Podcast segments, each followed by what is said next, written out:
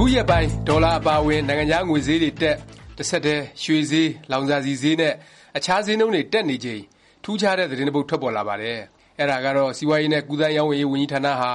Multi Level Marketing လို့ခေါ်တဲ့ ဆင့်ပွားစနစ်နဲ့ ဈေးကွက်ဖြန့်ချီရေး လုပ်ငန်း လုပ်ကိုင်တာကို တားမြစ်ပိတ်ပင်လိုက်တဲ့ သတင်းပါ။စီးပွား-ကူးသန်းက ထုတ်တဲ့ အမိန့်ကြော်ငြာစာမှာ စက်တင်ဘာ ၁၈ ရက်နေ့ကစပြီး အဲလို ဆင့်ပွားစနစ်နဲ့ ဈေးကွက်ဖြန့်ချီရေး ဆက်လုပ်နေဦးမယ် ဆိုရင်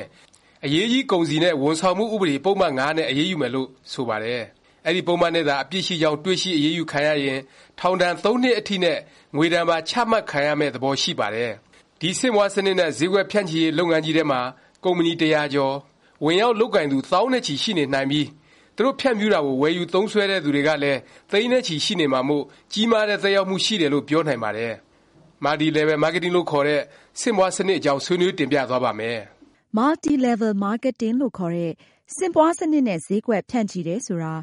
ကုန်စည်တစ်ခုခု၊ဒါမှမဟုတ် အများအပြားကို ကြော်ငြာတွေ၊သာမန်ဖြန့်ချီရေးစနစ်တွေနဲ့ ဖြန့်ချီတာမျိုးမဟုတ်ပဲ လူတွေကို သိမ်းသွင်းပြီး ဖြန့်ချီရောင်းချတဲ့စနစ်လို့ လွယ်လွယ်ပြောနိုင်ပါတယ်။လူတစ်ယောက်ဟာ အဲဒီကုမ္ပဏီကို ရောက်သွားရင် အရင်ဆုံး အဖွဲ့ဝင်အဖြစ် ပါဝင်ဖို့လိုပါတယ်။အဖွဲ့ဝင်အဖြစ် ပါဝင်နိုင်ဖို့ သတ်မှတ်ချက်ကတော့ ကုမ္ပဏီ တစ်ခုနဲ့ တစ်ခု မတူပါဘူး။တစ်ချို့ ကုမ္ပဏီတွေမှာ ကုန်ပစ္စည်း နည်းနည်းဖိုး ဝယ်လိုက်တာနဲ့ အဖွဲ့ဝင် ဖြစ်နိုင်ပေမယ့် တစ်ချို့ ကုမ္ပဏီတွေမှာတော့ သိန်းရာနဲ့ချီ တန်ဘိုးရှိ ပစ္စည်းတွေဝယ်မှ အဖွဲ့ဝင် ဖြစ်ရတာမျိုးလည်း ရှိပါတယ်။ အဖွဲ့ဝင်ဖြစ်ပြီးရင် အဲဒီလူဟာ နောက်ထပ် အဖွဲ့ဝင်သစ်တွေ ရအောင် ရှာဖွေ စည်းရုံးရပါတယ်။ကုမ္ပဏီက ဖြန့်ဖြူးတဲ့ ပစ္စည်းတွေကို သူ့လိုပဲ ဝယ်လာအောင် အဖွဲ့ဝင်သစ်ကို စည်းရုံးရတာမျိုးပါ။တစ်ပြိုင်နက်တည်း အဖွဲ့ဝင် အဆင့် မရောက်ပေမယ့် ကုန်ပစ္စည်း နည်းနည်းပါးပါး ကုန်အောင် ရောင်းချရတာမျိုးလည်း လုပ်ရပါတယ်။အဲလို အဖွဲ့ဝင်သစ် စည်းရုံးနိုင်မှု၊ကုန်ပစ္စည်း ရောင်းချနိုင်တဲ့ အရည်အတွက်ကို မူတည်ပြီး အဲဒီလူတွေကို အမှတ်ပေးစနစ် ကျင့်သုံးပါတယ်။ ကိုယ်စည်းရုံးထားတဲ့လူဟာ နောက်ထပ် အဖွဲ့ဝင်သစ်တွေကို စည်းရုံးရင်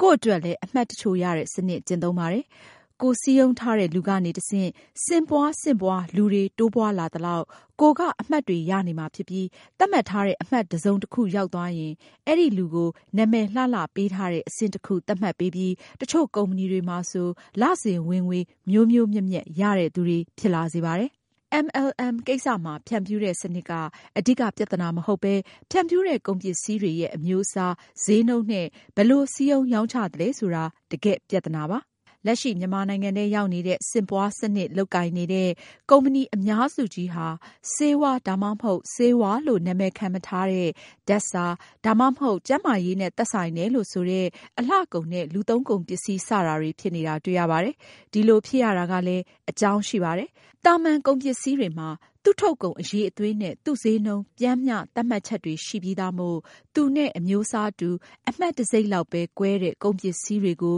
ဈေးနှုန်း မတန်တဆ မြှင့်တင်ရောင်းချလို့ မရနိုင်ပါဘူး။ဆေးဝါး၊ဒါမှမဟုတ် ဓာတ်စာ၊ဒါမှမဟုတ် ကျန်းမာရေးကို အထောက်အကူဖြစ်စေတဲ့ အလှကုန်၊လူသုံးကုန်တွေကတော့ အဲဒီ ကုန်ပစ္စည်းတွေရဲ့ အာနိသင်တွေကို ပြောပြီး ဈေးနှုန်း မတန်တဆ မြှင့်တင်နိုင်လို့ပါပဲ။နမူနာအားဖြင့် လွန်ခဲ့တဲ့ အနှစ် ၂၀ ဝန်းကျင်လောက်က မြန်မာနိုင်ငံမှာ နာမည်ကြီးတဲ့ လင်ဇီးဆေးတောင့်တွေ၊ လင်ဇီးနဲ့ လုပ်ထားပါတယ် ဆိုတဲ့ စားသောက်ကုန်နဲ့ လူသုံးကုန်တွေကို ပြသနိုင်ပါတယ်။အဲဒီ ကုန်ပစ္စည်းတွေကို ထိုင်ဝမ် အခြေစိုက် ရှိုင်းဟုတ် ကုမ္ပဏီက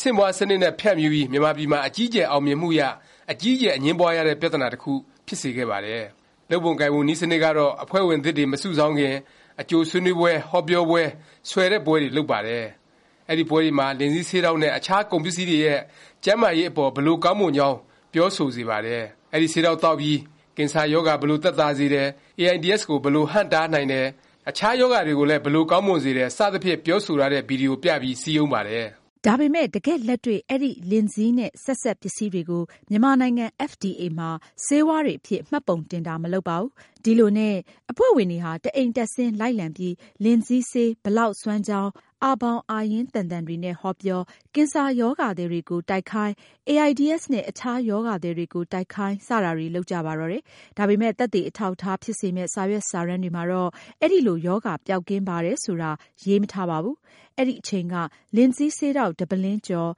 ဆေးတစ်ဖုံးစာ ကျပ်ငွေ၇သောင်းကျော်လောက်နဲ့ရောင်းချပါတယ်။အလွန်ဈေးကြီးတဲ့နှုန်းပါ။နောက်ပိုင်းရောဂါသည်တွေနဲ့ပြသနာတွေအမျိုးမျိုးတက်၊မီဒီယာတွေကနေဝေဖန်ရေးသားမှုမြင့်မားလာမှအဲဒီကုမ္ပဏီမြေအောက်ကိုအသာလေးလျှိုသွားခဲ့ပါတယ်။ နောက်ပိုင်း အစိုးရ ကျန်းမာရေးဝန်ကြီးဌာနကိုယ်တိုင် လင်ဇီးမှိုတွေ စိုက်ပျိုးပြီး လင်ဇီးဆေးတောင့်တွေ ထုတ်လုပ်လာနိုင်ပါတယ်။ရှိုင်းဟုတ်ကုမ္ပဏီက ထုတ်တဲ့ လင်ဇီးဆေးတောင့်ဘူးတွေနဲ့ အာနိသင်ချင်းတူတဲ့ ဝန်ကြီးဌာနထုတ် လင်ဇီးဆေးတောင့်တစ်ဘူးဟာ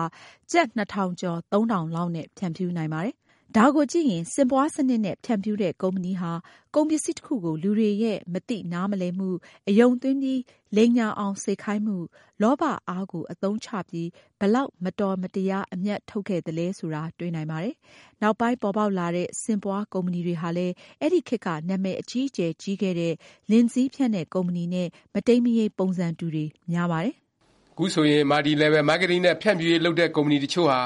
FDA မှာ ထောက်ခံချက် မယူပဲ ဆေးဝါးလိုလို၊ဓာတ်စာလိုလို ကုန်ပစ္စည်းတွေ ဖြန့်ဖြူးတာနဲ့ ပတ်သက်ပြီး အစိုးရဘက်က အရေးယူထားတာ၊တရားစွဲထားတာလည်း ရှိနေပါပြီ။တစ်ချို့ စားသုံးသူဘက်က နစ်နာလို့ တိုင်ကြားထားပြီး တရားရုံးရောက်နေတဲ့ အမှုတွေလည်း ရှိနေပါတယ်။ပြသနာက အဲဒီ လုပ်ငန်းကြီးထဲမှာ မသိနားမလည်သူ ပြည်သူ အများအပြားဟာ သားကောင်တွေသဖွယ် ပါဝင်နေကြရတာဖြစ်လို့ အရေးယူကိုင်တွယ်ဖို့ အလွန်ခက်ခဲတဲ့ အခြေအနေ ဖြစ်နေရတာပါ။ ဒါကြောင့် အခြားသော နိုင်ငံတွေနည်းတူ ပြသနာပေါင်းများစွာ ပေါက်ဖွားစေတဲ့၊စားသုံးသူ ပြည်သူတွေကို ကြီးကြီးကျယ်ကျယ် ထိခိုက်စေတဲ့ Multi Level Marketing စနစ်နဲ့ ဖြန့်ဖြူးရေး လုပ်မှုကို ပိတ်ပင်လိုက်တာဟာ ကောင်းမွန်တဲ့ ကိစ္စ ဖြစ်ပါကြောင်း၊ဒီလို လုပ်ခြင်းအားဖြင့် အခြားသော ဈေးကွက်နဲ့ ရင်းနှီးမြှုပ်နှံမှု ဆိုင်ရာတွေကိုလည်း ထိခိုက်နိုင်စရာ အကြောင်းမရှိပါကြောင်း တင်ပြလိုက်ရပါတယ်